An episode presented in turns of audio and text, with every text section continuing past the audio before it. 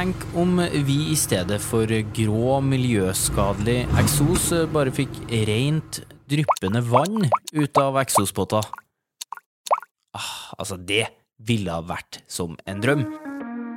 Vel, den drømmen heter for hydrogen, og er allerede en virkelighet. Men hvor mye kan hydrogen bety for oss i framtida?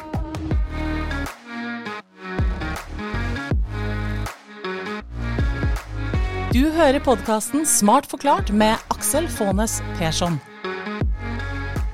Hjertelig velkommen til en ny episode av denne podkasten fra oss i Sintef.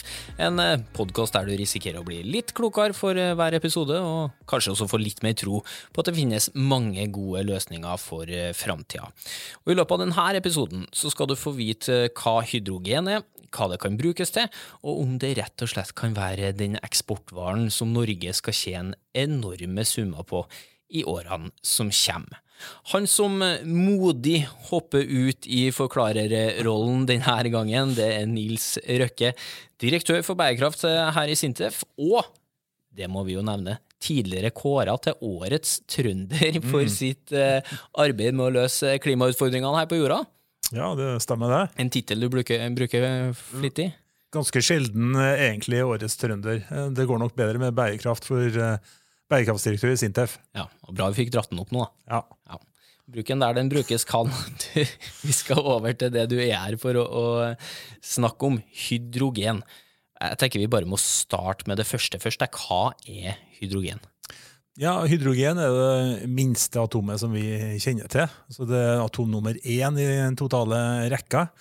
Uh, og Det blir jo ofte kalt også vannstoff. Uh, det er fordi det finnes ganske mye hydrogen i, i vann. Det er også det stoffet som det finnes mest av i hele universet. Så sola er jo faktisk fyra med, med, hydrogen i det store bildet. Mens det, på jorda så finnes det veldig få naturlige kilder til ren hydrogen, men det inngår i veldig mange substanser i, i naturen. Altså Karbon og hydrogen de jobber som regel sammen da, og er kobla sammen. Men hvor kraftig er det? Ja, nå nevnte jeg jo at det fyrer sola, så det, det, er temmelig kraftige greier. Og i forhold til bensin, for eksempel, som vi er ganske vant med, så er det tre ganger så mye energi i én kilo hydrogen som det er i én kilo med, med, bensin. Og så er det på en måte det vi hører om ganske ofte når det er snakk om å gå over til det grønne skiftet. Men, men hvor miljøvennlig er det, da? Ja, det er veldig miljøvennlig stoff i anvendelsen. Altså Når du bruker det til et eller annet, så blir det vann av det. Altså Hydrogen det kommer faktisk av ordet å produsere vann, så hydrogen. Men det som er viktig, det er at vi ser på hele verdikjeden. Hvordan vi produserer hydrogenet, hvordan det blir transportert, og hvordan den blir brukt i forhold til det totale fotavtrykket til hvordan det her blir produsert. Det høres jo helt magisk ut med noe man kan bruke som blir til vann. Ja. Um, nå kommer det jo ganske mye vann ut av en vanlig bensin- og dieselbil, også, men her blir det bare vann faktisk, og ikke noe CO2 når du bruker det. Helt nydelig. Men du var jo inn på det. Eh, det handler jo litt om hvordan man eh, lager det. Hvordan man produserer det hydrogenet man bruker. Ta oss ja. gjennom de, de, forskjellige måtene man kan eh, produsere hydrogen på. Ja, jeg kan jo forenkle litt med å snakke om det her med uh, fargekoder på hydrogener. Ja, Det liker du egentlig ikke, det vet jeg. Men... Nei, jeg gjør egentlig ikke det, for jeg mener at vi må se på sånn, klimaavtrykket med produksjon. Men la oss nå bruke det for enkelhets skyld. da. Altså Det som er knytta opp til elektrolyse, så må man produsere hydrogen fra, fra strøm og vann, um, det kalles stort sett grønt hydrogen. Det tror jeg også man kan ha bilde av hvorfor det blir kalt grønt. Hvis dette kommer fra fornybar kraft, så vil det være veldig små utslipp knytta til produksjon av hydrogen da. Du bruker jo en del strøm, selvsagt. Det andre er jo såkalt blått hydrogen. Og blått hydrogen kommer fra uh, naturgass, stort sett. Og Da bruker man CO2-håndtering på å fjerne karbonet i den naturgassen og sitte igjen bare med hydrogen. Uh, naturgass uh, består av karbon og hydrogen på litt, sånn litt ulike komplekse kjeder. Men poenget er å ta bort karbonet og sitte igjen med hydrogenet. Og da bruke uh, CO2-håndtering for at det skal bli blått. Og den tredje kategorien som jeg nevner her, er såkalt gr grått. Ja, Den vil man helst ikke ha noe med å gjøre. Nei, men det er det som vi bruker i verden per i dag. da. Og, og grått hydrogen er produksjon f.eks. fra naturgass da, eller et annet fossilt brensel, hvor man ikke tar hånd om karbonet og CO2-en fra den prosessen. Og faktisk er det sånn at uh, det er nesten én milliard tonn av utslipp i verden i dag fra produksjon av grått hydrogen. Grått hydrogen er det som vi bruker i, i verden i dag, for det er billigst. Mm. Ja, Er det dyrt å produsere, altså? Hydrogen er jo dyrere å produsere enn det som vi har alternativer per i dag, sånn som f.eks. bensin eller, eller, elektrisitet. i og for seg også. Det skjønner vi at når vi bruker elektrisitet til å produsere noe, så taper vi et eller annet på veien der. Det er ikke 100% effektivitet. Um, men det er litt uh, filosofisk, da. Altså, hvor, er, hvor stor er kostnadene egentlig, uh, hvis vi ser på samfunnet? Fordi at uh, det må koste noe å slippe ut klimagasser også, og dit er vi jo på vei nå, at det blir dyrere og dyrere å slippe ut. Og Da vil jo hydrogen bli mer og mer attraktivt og rimeligere i, i, i sammenligning med dem som da slipper ut eh, CO2, og hvor du må kjøpe klimakvoter. Men er det rett og slett grunnen til at hydrogen ikke er mer vanlig enn det er i dag? At, at det rett og slett er dyrt? da? Ja, det, det, er riktig, og derfor har man også brukt den billigste metoden, som er grått uh, hydrogen. Eh, fordi at man ikke må betale for utslippene. Men Sånn kan vi jo ikke fortsette når vi skal være netto null i 2050. Netto null utslipp i verden i 2050. Ja, men Hvordan kommer vi oss dit? da? Altså, hvordan eh, kommer vi oss til, til grønn og blå sone? Ja, Nå kom det en rapport fra Det internasjonale energibyrået eh, i forrige uke som har et sånn veikart for hvordan vi skal være netto null i, i 2050. Og Det peker jo på behovet for massiv satsing innenfor det med fornybar kraft, som vi da kan også bruke til å produsere eh, grønt hydrogen, men også eh, på det å bruke eh, naturgass med CO2-håndtering for å produsere såkalt blått eh, hydrogen. Det som fremgår av analysene der, så vi trenger omtrent eh, like mye av dem i, i fremtida. Men det må jo skaleres opp noe enormt. Altså Fra i dag så må det være 10-15 gangen i 2050 hva vi har eh, i dag. Og I tillegg må vi da ta bort alle utslippene fra all den eksisterende produksjonen. Altså Når vi snakker om 10-15 gangen, så må vi også ta bort alle utslippene fra det engangeren, altså den som ligger der per i dag. Eh, og da må vi bruke de teknologiene vi har tilgjengelig. Altså når vi klarer å komme oss dit, da, at det her blir, blir så Det håper jeg jo, men det, det jaggu ikke enkelt. Nei, det skjønner jeg, men Nei. det jobbes det jo beinhardt med, blant annet av eh, ja, da, deg og dine, dine, forskere. Men når vi kommer oss dit da, etter hvert at det her blir eh, grønt og blått, det vi bruker, og kanskje fargekodene har forsvunnet, òg, da blir jo du eh, happy, da slipper du å bruke dem. Da blir jeg veldig glad. Ja, Men hva er det da som kommer til å gå på hydrogen? Ja, det er ganske mye. Altså, vi kjenner jo til NASA sine romferjer osv. Eh, som går på hydrogen. Um, men i Norge så er det jo litt, eh, litt, annerledes. Norge er et veldig elektrifisert eh, land. Vi bruker elektrisitet til, til alskens ting, så batterier har fått en stor anvendelse i, i Norge for å lagre. Men um, hvis du ser på de norske forholdene, så, så, tenker jeg at det vil være veldig viktig for skipsfart. Altså Når skip skal ut på havet, så bruker de da tunge drivstoff. altså Da snakker jeg om eh, bunkersolje og sånt. Det, det er olje eh, som vi ikke kan fortsette med. Og Da ser vi for oss at det, det, er mulig å drive dem her på hydrogen. og Vi er en skipsfartsnasjon. Vi produserer, vi bygger båter i, i Norge også. Så hvis vi eh, klarer på en måte å ta markedsandeler på miljøvennlig og nullutslipps eh, skipstransport, det er en stor mulighet for Norge, etter min mening. Um, og så er det ikke sikkert at det vil være hydrogen. Sånn, altså, hydrogen finnes i forskjellige former, alt fra gass til komprimert til, til flytende gjort. Eller det kan gjøres om til f.eks. ammoniakk. Høres kanskje litt spesielt ut. Eh, ammoniakk det kjenner vi fra den stikkende lukta fra ammoniakk, men ammoniakk er en veldig god bærer av hydrogen. I og med at i eh, ammoniakk er det tre hydrogenatomer og ett nitrogenatom. Så, og det, det, er et stoff som er lettere å, å transportere. da. Men uh, når du da bruker det her i, i skipsfarten, så kan vi også adressere det som kalles for deep uh, shipping. Deep shipping er de båtene som går mellom kontinenter. Svære tankskip, svære containerskip osv. De bruker enormt mye energi, så vi må finne ut hvordan kan vi best serve dem. Og Det kan være da, det vil antakeligvis være en blanding. Batterier, hydrogen, ammoniakk pluss X. Og X kan f.eks. være syntetiske drivstoff, hvor hydrogen også kan brukes til å produsere det. Også industrien har du nevnt for meg tidligere er en viktig del der, der hydrogen kommer til å bli brukt i Norge. Ja, jeg har et slags sånn slogan rundt hydrogen. Det er hydrogen i, for og fra Norge. Eh, og hydrogenproduksjon ligger i Norge. Altså Vi kan produsere hydrogen i Norge. Og så for Norge, det at vi kan bruke det i Norge. Eh, og fra Norge, det går på hvordan vi kan lage en eksportretta industri basert på teknologi, og basert på at vi eksporterer store mengder hydrogen gjennom de rørledningsnettverkene vi har i dag til Europa på naturgass, men fyller dem med hydrogen eh, isteden i, i fremtida. Da forsyner vi Europa, og får betalt for det, eh, med utslippsfri energi.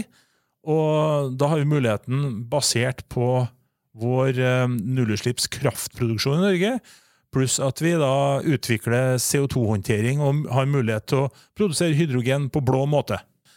Og for industrien, som du spurte om, um, så er det sånn at i industrien så bruker man mye uh, kull og olje og gass per i dag til oppvarming, uh, f.eks. i, i aluminiumsproduksjon. Uh, det kan man erstatte med, med hydrogen og ta bort de utslippene. Det er også sånn at enkelte industriprosesser, f.eks. å produsere jern, eller svampjern som blir kalt, da, der kan man erstatte kull med hydrogen. Der er det en par veldig spennende prosjekter som foregår, bl.a. et i, i, Sverige. Og i Mo i Rana jobber man nå med å bruke hydrogen til, eh, til produksjon av armeringsstål, og erstatte da naturgass eh, og, og annen type innsatsfaktorer der, og få nullutslipp i det. Ja, ok. Svære skip, eh, svære industrifabrikker. Eh, de her hydrogenbilene vi har hørt om, da, det er ikke så veldig mange som har dem i dag eh, i Norge, men eh, det er det, det er Nei, men Du er inne på noe veldig viktig der. da. Det er jo tilgjengeligheten av, av hydrogen. Altså Når det gjelder fyllestasjoner for elbiler, så er de overalt. Det kalles stikkontakter. For hydrogen så er det mindre av det. Så vi må også bygge ut en infrastruktur, altså muligheten for å, bruke hydrogen i større grad. Og her tror jeg nok at, som jeg var inne på her, da, hvis du da oppretter en, en, klynge eller en hub rundt forsyning av, av, båter på hydrogen, ja, så kan du også forsyne andre ting. Så det kan være anleggsmaskiner, det kan være tyngre kjøretøy osv., og, så videre, og også passasjer, vanlige passasjerbiler. Men i, hvis du drar til England, eksempel, så er det en litt annen sak rundt det med hydrogen. Da tenker man seg at ja, nei, her kan vi erstatte naturgass som de bruker til oppvarming og til matlaging, med hydrogen. Så da kan også hydrogen gå inn der og ta bort utslipp fra det som vi kaller for sektorer som det er vanskelig å dekarbonisere.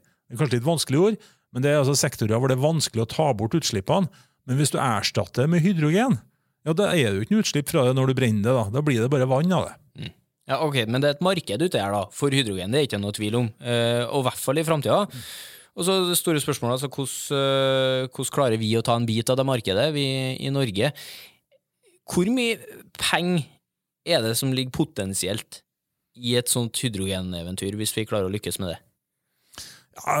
Hadde ønska jeg hadde det eksakte tallet for det, da. Men um, hvis vi ser i dag på eksportverdien som vi har fra olje og gass, så er det noen sånn ca. 400-500 milliarder kroner i året. Det er ikke akkurat småpenger, det heller.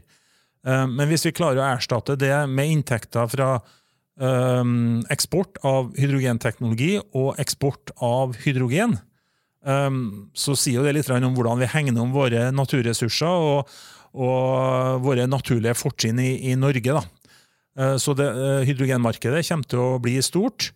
Uh, hvor stort det blir kontra elektrifisering, det, det vet vi ikke helt ennå. Elektrifiseringa ser ut til å ta storparten av det.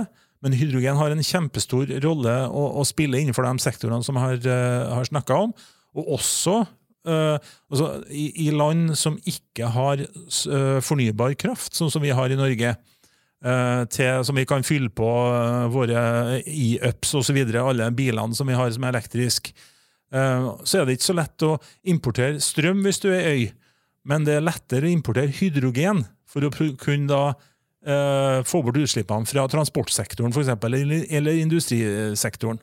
Men, altså, kan det bli vårt nye oljeeventyr der? Ja, Det er iallfall helt klart én vei eh, fremover for olje- og gassbransjen og for industriell produksjon i Norge og for eh, leverandørbransjen. Så, så, det er kjempeviktig at vi får opp farten, rett og slett.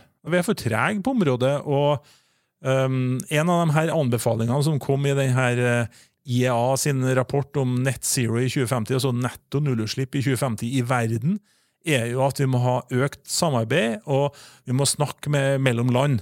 Og det er noe som uh, Sintef har sagt lenge, at det, det, er viktig at vi tar opp diskusjonen med våre viktigste samarbeidsland på energisida om hvordan vi kan utvikle hydrogenøkonomien sammen. For Norge har mye å bidra med. Hvem er det som leder kappløpet, egentlig, om uh, hydrogenmarkedet? Nei, så Vi ser jo at de landene som er i behov av hydrogen for å kunne nå nullutslipp, det er jo de landene som har utvikla her lenge, og hvor du har muligheten for, for eksport. Japan har vært en, eh, et foregangsland her, og de, det ser du også hvis du skal kjøpe en, eh, en hydrogenkjøretøy, så er de stort sett fra Japan eller fra Korea. Det er land som ikke har så veldig mye energi sjøl. Uh, ellers så ser vi at det, det, er veldig stor aktivitet nå i, i USA på, på hydrogen. Uh, forsknings uh, starter liksom med, med, forskningsaktivitet som går over til, til, kommersiell aktivitet. I Europa så vil jeg trekke frem Frankrike og, og Tyskland. EU har satt seg store målsettinger for hydrogen.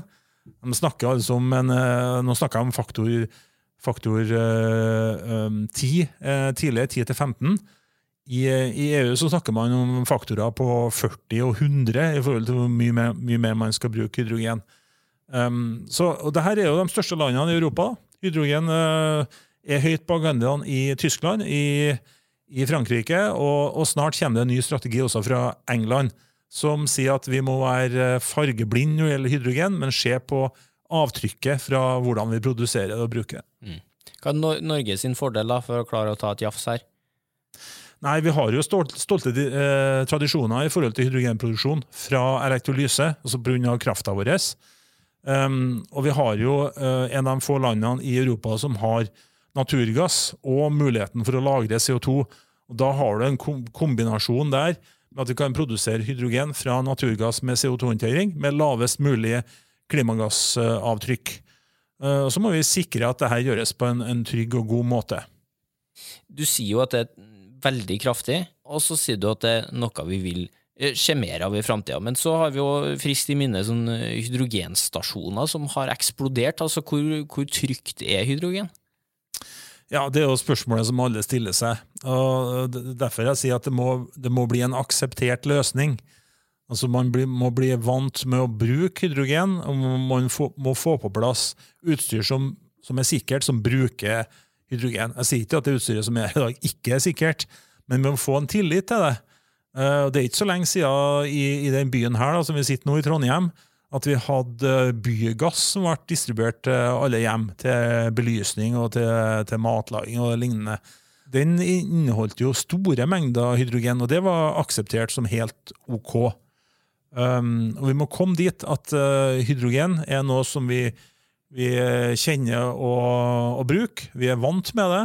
Um, og at man uh, aksepterer det som et, uh, et nullutslippsdrivstoff. Da. Og i det her så, så gjelder det nok at vi, vi bygger tillit gjennom å bygge stein på stein. At vi, vi får opp pilot og, og, prosjekter som ser på hvordan vi kan bruke det her i større og større skala. Um, jeg nevnte jo det her med at det er ekstremt antennelig, eh, det her. Det er også ekstremt flyktig, så en lekkasje av hydrogen den forsvinner ganske fort. for å si det sånn, den forsvinner oppi atmosfæren. Um, men vi må sikre oss at vi ikke har lekkasjer, at det gjøres etter uh, standarder.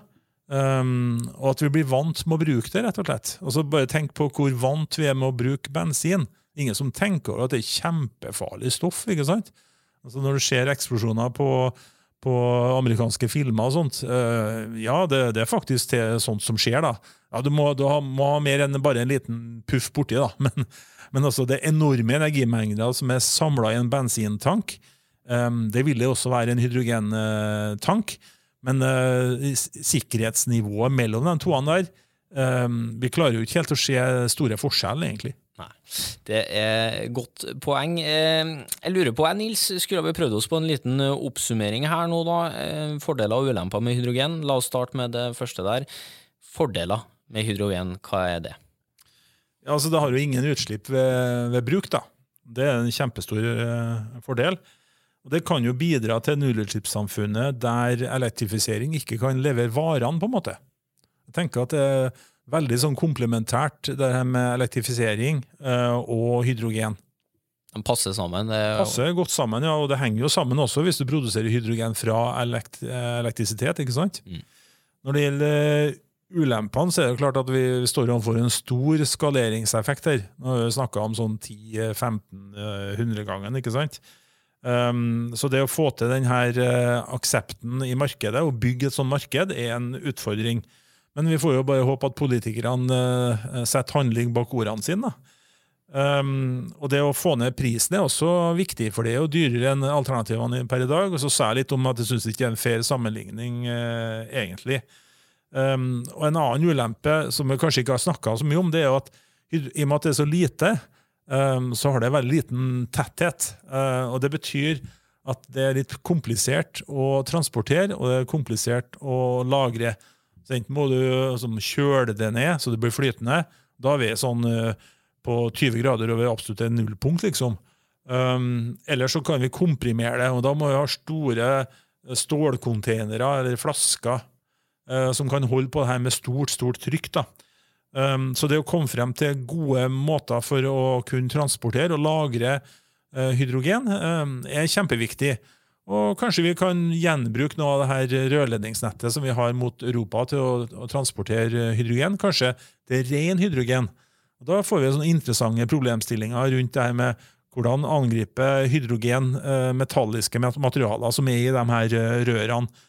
Um, jeg bruker ofte å trekke litt analogier til, til hydrogen og alder. da, for at eh, Når hydrogen går inn i en sånn ståløy, og hvis det ikke er gjort noen spesielle tiltak eller har feil eh, materialkvalitet, så går hydrogenet inn i metallgitteret og gjør at eh, materialet blir stivere. Det blir omtrent som det blir stivere i ryggen med tida.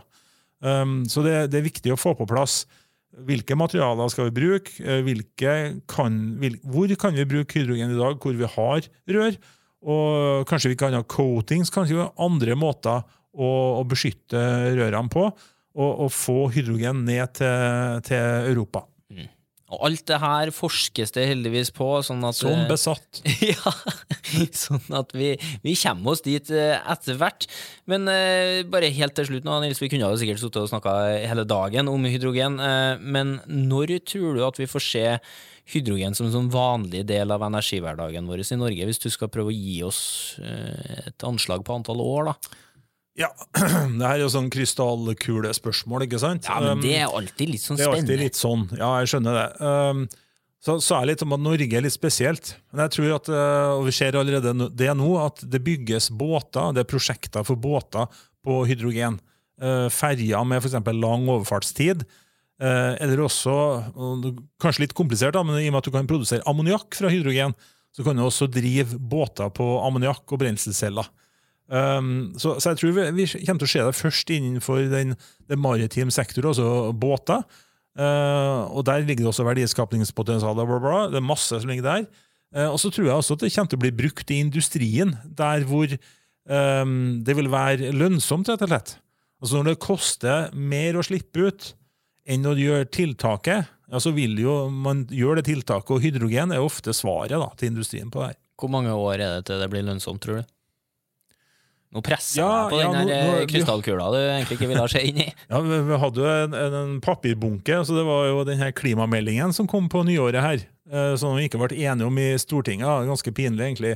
Men eh, der står det jo eh, at man skulle gi et signal om 2000 kroner per tonn i, i 2030 i Norge.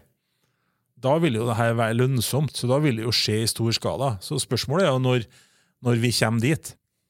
Men ti år, da tror jeg nok at det vil skje store endringer hvis eh, altså politikken eh, følger opp det som vi vet nå rundt hva vi må gjøre for å komme til nullutslipp i 2050. Ok, da fikk vi et uh, tall fra deg til slutt, da. Med alle mulige forbehold. ja. Takk uh, for at du delte din kunnskap her i Smart forklart, uh, Nils Røke. Bare hyggelig. Og hvis jeg får lov til å smette inn en ting til, da. ja, ja. Så, så sa jeg at vi, vi, forsker som besatt på det her i Sintef. Jeg må jo selvsagt si det her er jo Sintef og NTNU jobber tett sammen. Og jobber som besatt på det her både i Sintef og NTNU. Da fikk du med det òg. Det gjorde jeg. Kjempebra. Eh, tusen takk for eh, tida di. Og hvis du som hører på syns det her var interessant, så må du gjerne tipse en eh, venn om oss, eh, sånn at vi når ut til flere. Og vil du ha beskjed neste gang vi legger ut en episode, så er det bare å trykke på knappen der det står 'abonner'. Tusen takk for at du hører på oss, og så skal vi i Sintef fortsette å utvikle teknologi for et bedre samfunn i ventetida fram til vi høres igjen.